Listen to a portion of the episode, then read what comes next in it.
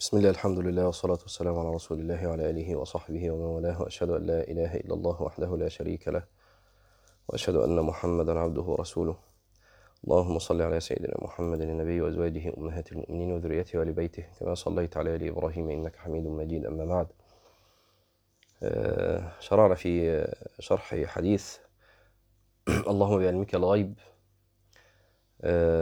وتكلمنا عن مسألة وهي أن ما يسأل ما يسأله العبد الله عز وجل على نوعين. نوع هو خير محض ونوع آخر لا يعلم الخير فيه من الشر. فهذا لابد أن يعلق على علم الرب سبحانه وتعالى كتمني الموت أو الحياة أو الولد أو الزوجة أو الغنى أو الفقر وغير ذلك.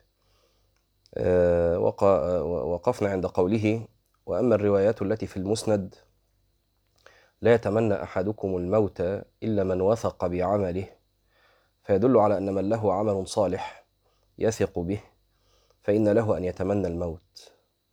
وقد كان كثير من السلف يتمنى الموت وهم أقسام. كأن ثم إشكال بقى. إحنا قلنا المرة اللي فاتت يتمنى الموت كده بإطلاق وإنما تعلق ذلك على علم الرب سبحانه وتعالى. اللهم بعلمك الغيب وقدرتك على الخلق أحييني فكانت الحياة خيرا لي وتوفني إذا كانت الوفاة خيرا لي. طيب بعض السلف تمنى الموت فالنبي يقول هم أقسام منهم من يحمله حسن الظن بالله على حب لقائه. إما لما له عنده من كثرة الطاعات أو لما عنده من محبة الله عز وجل فيحسن ظنه به كما قال بعض السلف لقد سئمت من الحياة حتى لو وجدت الموت يباع لاشتريته. شوقا إلى الله وحبا للقائه. فقيل له أفعلى ثقة أنت من عملك؟ قال لا. لكن لحبي إياه وحسن ظني به أفتراه يعذبني وأنا أحبه؟ وكان بعضهم ينشد في هذا المعنى وزادي قليل ما أراه مبلغي. أللزاد أبكي أم لطول مسافتي؟ أتحرقني بالنار يا غاية المنى؟ فأين رجائي فيك أين محبتي؟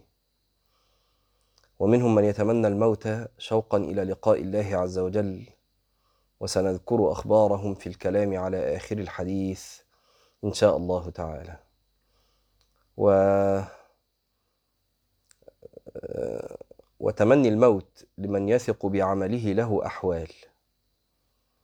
تارة يتمنى الموت لضر نزل به وهذا منهي عنه وصاحبه إن لم يثق بعمله كالمستجير من الرمضاء بالنار. فإنه لا يدري لعله يهجم بعد الموت على ما هو أعظم وأشد مما هو فيه. هيا يا جماعة بعض الكلمات التي تقال آه، لو محصناها لوجدناها لا تخرج عن مؤمن بال- باليوم الآخر. يعني وكلمات للأسف بتتقال كتير في ديار المسلمين. يعني حد يقول لك ارتاح بالذات لو كان مثلا عنده مرض أو شيء يقول لك ارتاح الحمد لله.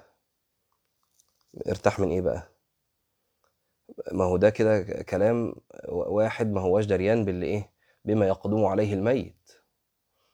يعني هذا إن لم يكن من أهل الرحمات ومن أهل الجنان وكذا يبقى ارتاح. وأكيد ما ارتاحش. خلاص حتى لو كان في كان أشد الناس ضنكا في الدنيا وأشد الناس مرضا و وتعبا وشقاء وكل حاجة. إنما اللي راح له أشد بكثير. وفي الحديث إنه يؤتى بأنعم أهل الأرض من أهل النار فيغمس فيها غمسة واحدة. ثم يقال له هل رايت نعيما قط هل مر بك خير قط؟ فيقول لا وعزتك وجلالك ما رأيت نعيما قط وما مر بي خير قط. آه، اللي إحنا عاوزين نقوله هنا إنه الإنسان هذا الإنسان الذي يتمنى الموت وخصوصا بقى إذا كان لا يثق بعمله أعماله تعبانة. قال كالمستجير من الرمضاء بالنار فإنه لا يدري لعله يهجم بعد الموت على ما هو أعظم وأشد مما هو فيه. يعني إيه اللي قلقك يعني شوية مرض ولا شوية فقر ولا شوية تضييق في عيش ولا كذا؟ فتروح تتمنى الموت ومنهم من يذهب لينتحر. طب هو أنت يا ابني فاهم إيه اللي مستنيك بعد الموت؟ قال فإن وثق بعمله يعني واحد بقى من أهل الطاعات فقد تمناه للضر بعض السلف. وتارة يتمناه خشية فتنة في الدين. فهذا جائز عند أكثر العلماء.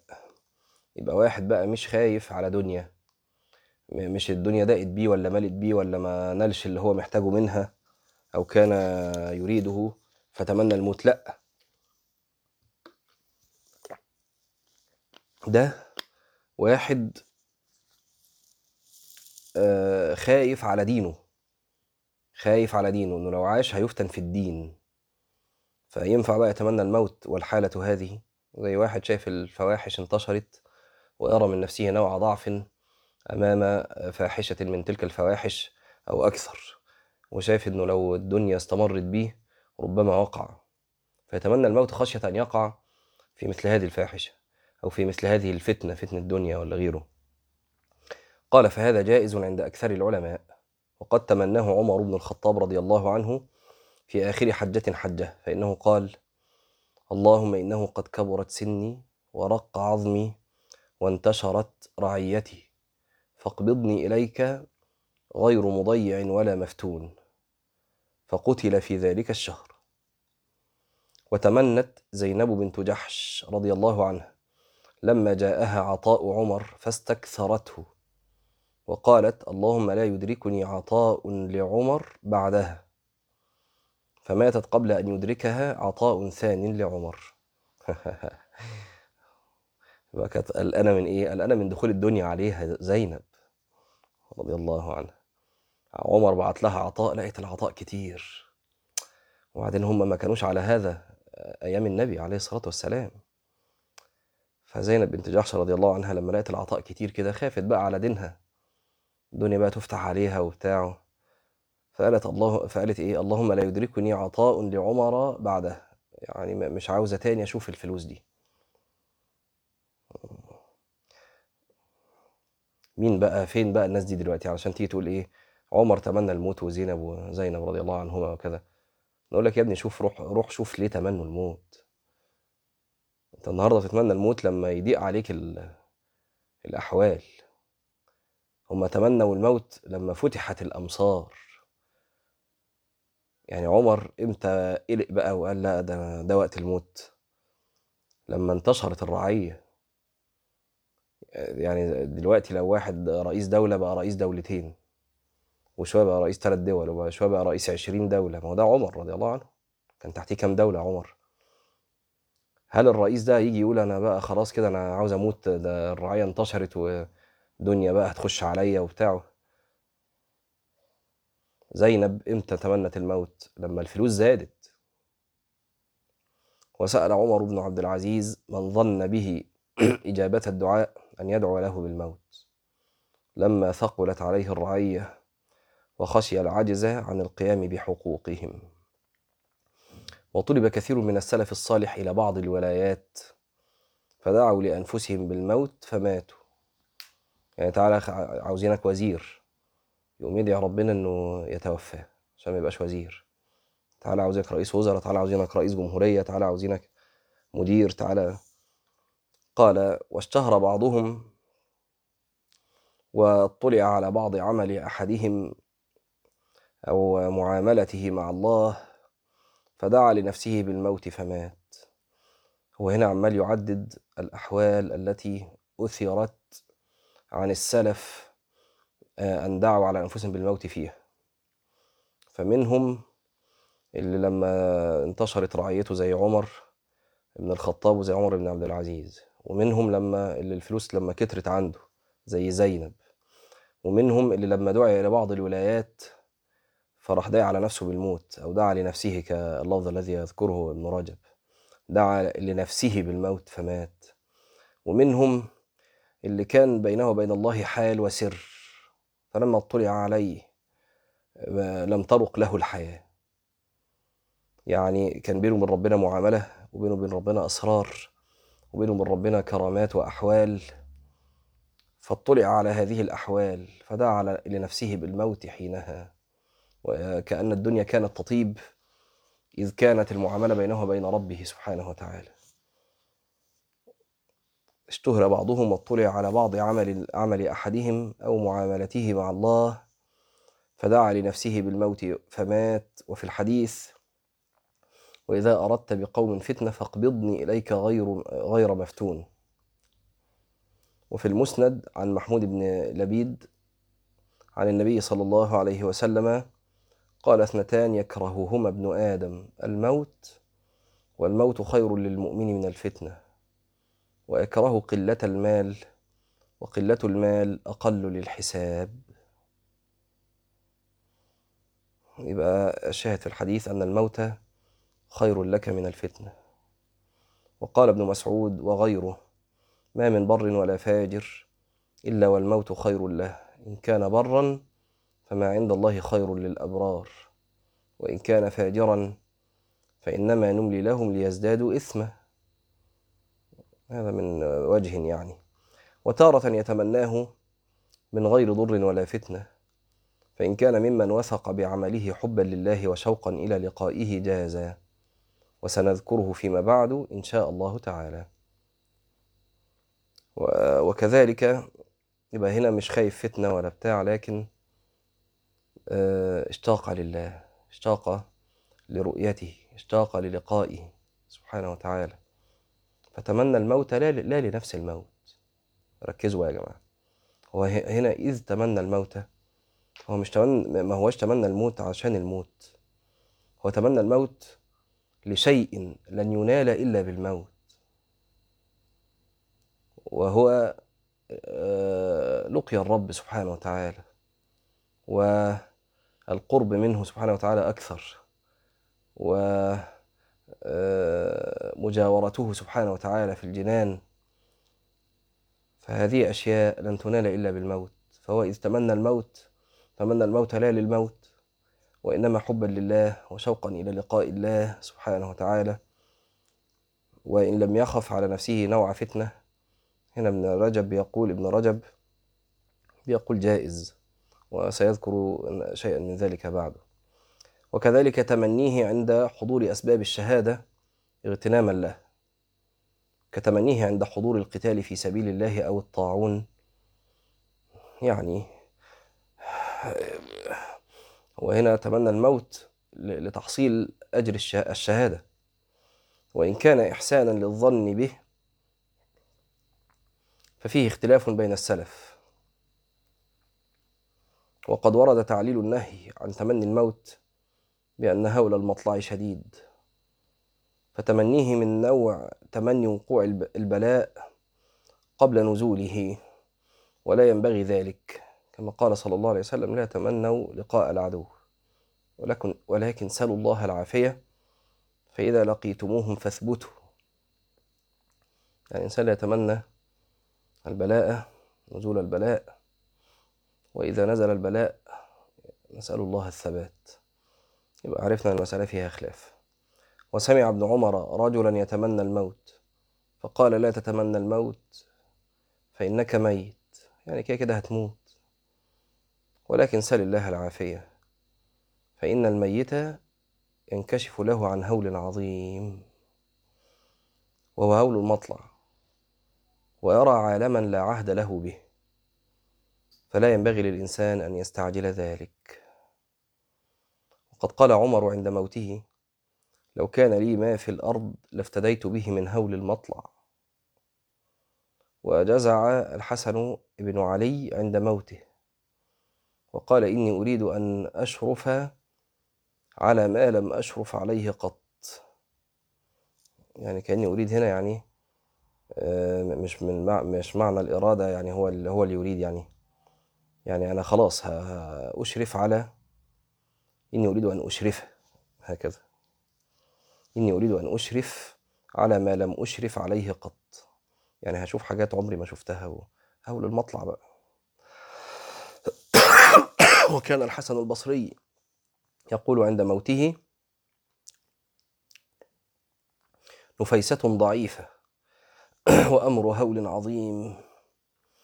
فإنا لله وإنا إليه راجعون.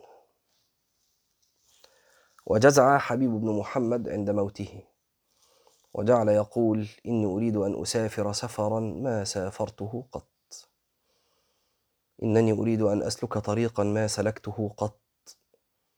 أريد أن أزور سيدي ومولاي وما رأيته قط. أريد أن أشرف على أهوال ما شاهدت مثلها قط. قال وأيضا فالموت نفسه أشد ما يلقاه الآدمي في الدنيا ولا يعلم الناس في الدنيا حقيقة شدته. عشان كده قلنا كنا قرأنا في منهاج القاصدين إنه من شدته ينقطع الصوت. يعني ما انقطاع الصوت وإنك مش قادر تصرخ ولا تقول اللي أنت شايفه ده دليل على تناهي الشدة. إنك خارط قواك حتى إن ما بقاش فيك صوت تتكلم. قال وأيضا فالموت نفسه أشد ما يلقاه الآدمي في الدنيا ولا يعلم الناس في الدنيا حقيقة شدته.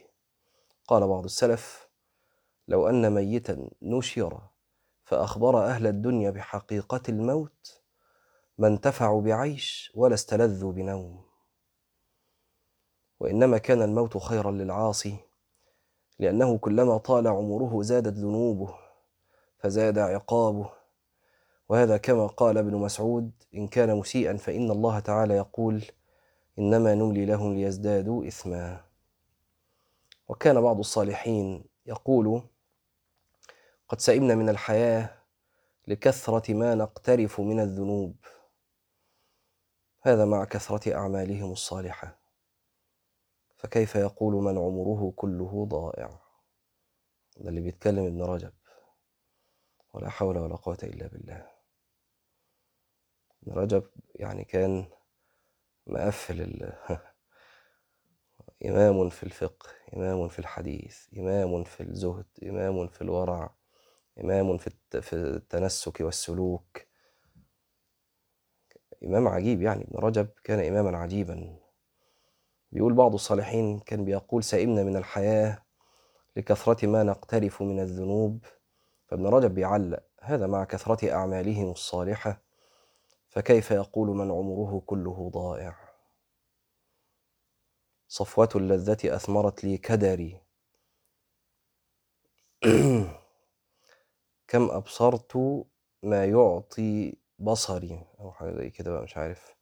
مالي زاد وقد تنا وقد تدانى سفري وقد ضاع العمر فإنه يوالي عمري.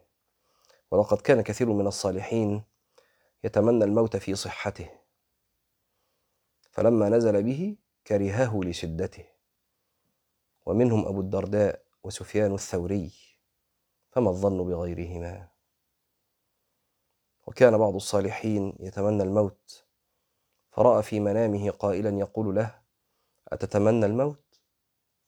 قال قد كان ذلك يعني أيوة بتمنى الموت قال فقطب وجهه يعني هذا الذي رآه في المنام ثم قال لو عرفت الموت وكربه حتى يخالط قلبك معرفته لطار نومك أيام حياتك ولذهل عقلك حتى تمشي في الناس والها.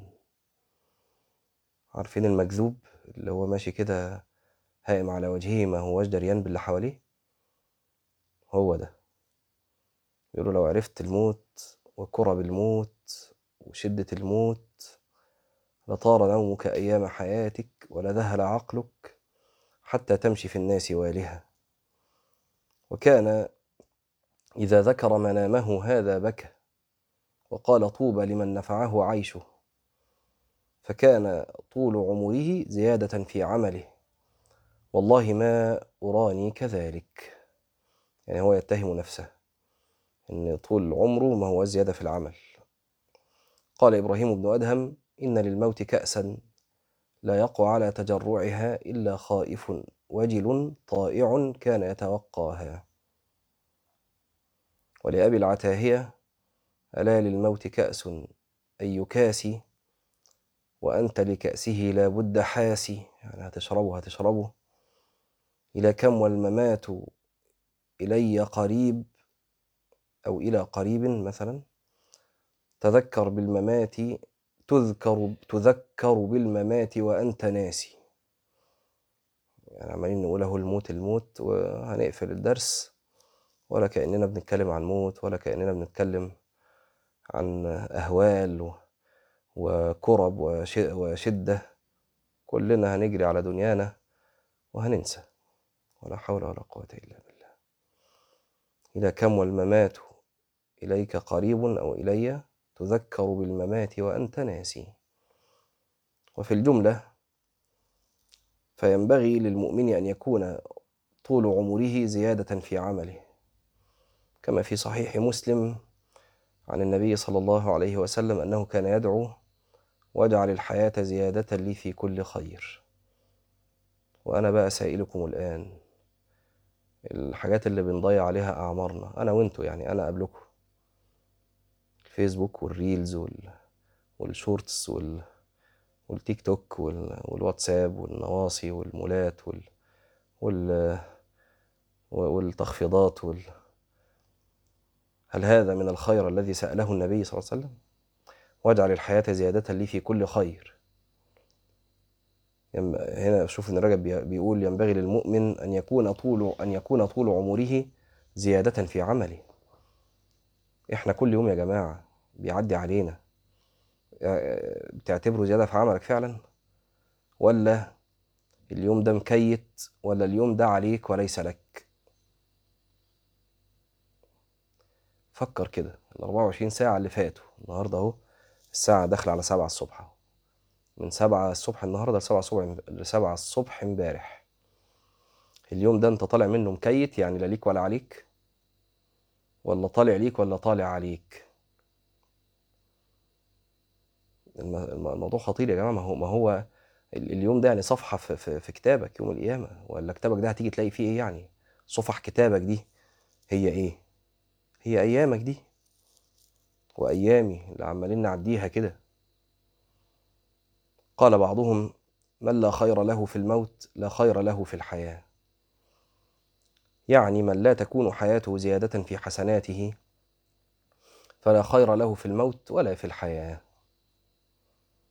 الشيخ حسام عبد العظيم رحمه الله كان بيقول على المتدينين اللي هم يعني شايفين نفسهم متدينين يعني بيقول أنتم مس كان بيتكلم على الموبايلات والسمارت فونز والحاجات دي. فكان ليه كلمة كده معروفة عنه بيقول أنتم مسحورون. الكلمة دي عميقة جدا وكان كانت يعني فعلا كانت تستوقفني جدا. أنتم مسحورون. عارفين يا جماعة المسحور ده؟ اللي هو تحسه مش دريان بيعمل إيه؟ ما هو فعلا أنت لو بصيت لل لل, لل... الناس اللي المفروض المفروض يعني إن هم شايفين نفسهم متدينين أهل تدين وأهل تدين دي يعني إيه؟ يعني آه مآربهم غير وأهدافهم غير. يعني أنت لو جيت دلوقتي بصيت على اللي هم شايفين نفسهم متدينين دول. خلاص؟ وتعالى بص على أحوالهم كده وعلى تفاصيل يومهم. وبعد ما يخلص تفاصيل اليوم كده أقول لك هم دول بقى اللي هو أنا يعني يعني يعني أنا مش بزكي نفسي لا ده هو اللي أنا أولهم يعني. هم دول بقى اللي عاوزين الآخرة اللي, اللي موجودين دلوقتي يعني في الدنيا بتاعتنا وعاوزين آخرة. تضحك مش كده؟ تقول هم دول؟ يعني يعني هم دول اللي فيكوا بتوع الآخرة؟ يعني ك يعني تتخيل هذا المشهد الواحد من السلف الآن نشر بيننا وبعدين ماشي في الشوارع كده. فطبعا ما عجبتوش أحوال الناس فراح سائل بسرعة لا لا لا في إيه دول؟ قولوا لي فين الناس المتدينين؟ فين فين بتوع الدين؟ ودوني كده على بتوع الدين دول. أنا مش هعرف أعيش مع الناس اللي في الشوارع دول. فراحوا جايبينه بقى لحضراتنا كده ليه أنا وأنتوا كده. آه قالوا له هم دول بقى بتوع الدين يلا. آه خليك مع بتوع الدين بقى وسيبنا إحنا في شوارعنا و... فقعد معانا كده قعد قعد يومين ثلاثة معانا كده. يشوف أحوالنا. ف و... و... فلقى كل واحد مننا ماسك حتة حديدة في إيده في ال 24 ساعة ما لا يقل عن 10 ساعات. ما لا يقل. متقطعة. و... و... و8 ساعات 10 ساعات نوم. وعندك اتبقى لك أربع ساعات خمس ساعات دول اللي بتجري فيهم على حياتك. يا جماعة وأنا بتكلم أنا أنا يعني اللي أنا بقوله ده ناس مستغرباه ولا دي أحوالنا؟ عشان بس هو ده إحنا. ده ال- ال- الراجل بقى اللي من السلف ده أما يقولوا له هم دول بقى المتدينين بتوعنا. دول أهل التدين دول أهل الإيمان. المحجبات والملتحين واللي بيحضروا دروس الفجر واللي بيقوموا يصلوا الفجر حاضر هم دول. خليك معاهم بقى طالما أنت عاوز أخرة. آه لما يقعد معانا يومين ثلاثة هيتمنى الموت. مش كده. لما دول أهل التدين وأحوالهم كده آه، مسحورون على رأي شيخ حسين عبد العظيم. واختكم بتقول كان بيقول الآلة الإيه؟ المشؤومة. الآلة المشؤومة نعم هذه كلمته أيضا. خلاص وكان يحارب كان الشيخ حسين عبد العظيم رحمه الله يحارب التليفونات الذكية أو التليفونات الغبية. طبعا كان آه، أشد كلمة يقولها دايما الزفت على طول. يعني ما كانش يقول بص كلمة تليفون دي أنا ما. يعني ما افتكرش يعني إيه سمعتها منه مرتين ثلاثة على بعض. الكلمة الأشهر ليه الزفت؟ ولما يقولها يغضب. يعني ما يقولهاش يعني يبقى بيتكلم عادي وبعدين يجي الكلام على التليفون فيقوم يتنرفز ويعرف هذا في نبرة صوته. الزفت ك- ده. ماشي؟ فكان أشد شيء محاربة له هو التليفونات اللي في إيدينا دي. طب ادينا قلنا أنا وأنتوا هنعمل إيه بعدها؟ هنقفل الدرس ونرجع للزفت ونرجع للآلة المشؤومة ونرجع للسحر اللي إحنا فيه ولا حول ولا قوة إلا بالله. وفي الآخر نيجي بالليل كده وإحنا بننام شايفين نفسنا إيه أهل التدين وأهل ال... وأهل الطاعة وأهل الصلاح. ولا حول ولا قوة إلا بالله.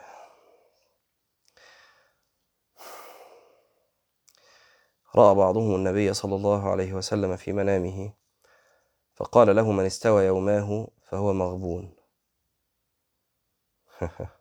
لا حول ولا قوة إلا بالله فين يا جماعة؟ يعني اليوم زي أمسه ده مغبون. يعني مغبون إحنا قلنا لكم قبل كده المغبون اللي هو اتضحك عليه من الآخر كده اللي هو باع حاجة غالية قوي ببخس من الثمن. يبقى معاك جوهرة غالية وتروح تبيعها ب 10 جنيه ولا ب 20 جنيه. فنقول لك غبنت في هذه البيعة. مفهوم؟ فطبعا هذه من المنامات يعني. يقول لك من استوى يوماه فهو مغبون. يعني لو النهارده زي امبارح أنت مغبون. امال المفروض يبقى النهارده أحسن من امبارح. كل يوم أنت في زيادة من العمل. قال ومن كان يومه شرا من أمسه فهو ملعون. ومن لم يتفقد الزيادة في عمله فهو في نقصان. ومن كان في نقصان فالموت خير له. وقال ميمون بن مهران لا خير في الحياة إلا لتائب أو لرجل يعمل في الدرجات. يعني واحد تائب يتوب أو واحد شغال بقى في الإيه؟ في الدرجات. يعني خلاص بقى عدى التوبة وكده وعمال يزود في ال... يعني أن التائب يمحو بتوبته ما سلف من السيئات والعامل في الدرجات تعلو درجاته بما يعمل من الحسنات فهذا يزيد حسناته والأول يمحو سيئاته. فما عدا هذين الرجلين فلا خير لهما في الحياة. ولهذا قال بقية عمر المؤمن لا قيمة له إلا أن يتوب فيه من السيئات ويستدرك فيه ما فات. رفع إلى بعض العابدين رقعة في منامه وإذا فيها مكتوب إن كنت لا ترتاب أنك ميت ولست لبعد الموت ها ولست لبعد الموت ها أنت تعمل فعمرك ما يغني وأنت مفرط واسمك في الموت معد محصل. ورأى آخر في منامه كأن قائلا ينشده يا خد إنك إن توسد لينا والستة بعد الموت صم الجندل الصخور. فاعمل لنفسك في حياتك صالحة فلتندمن غدا إذا لم تفعلي. قولوا قولي هذا وأستغفر الله العظيم لي ولكم. سبحانك اللهم وبحمدك. أشهد أن لا إله إلا أنت. نستغفرك ونتوب إليك. والسلام عليكم ورحمة الله وبركاته.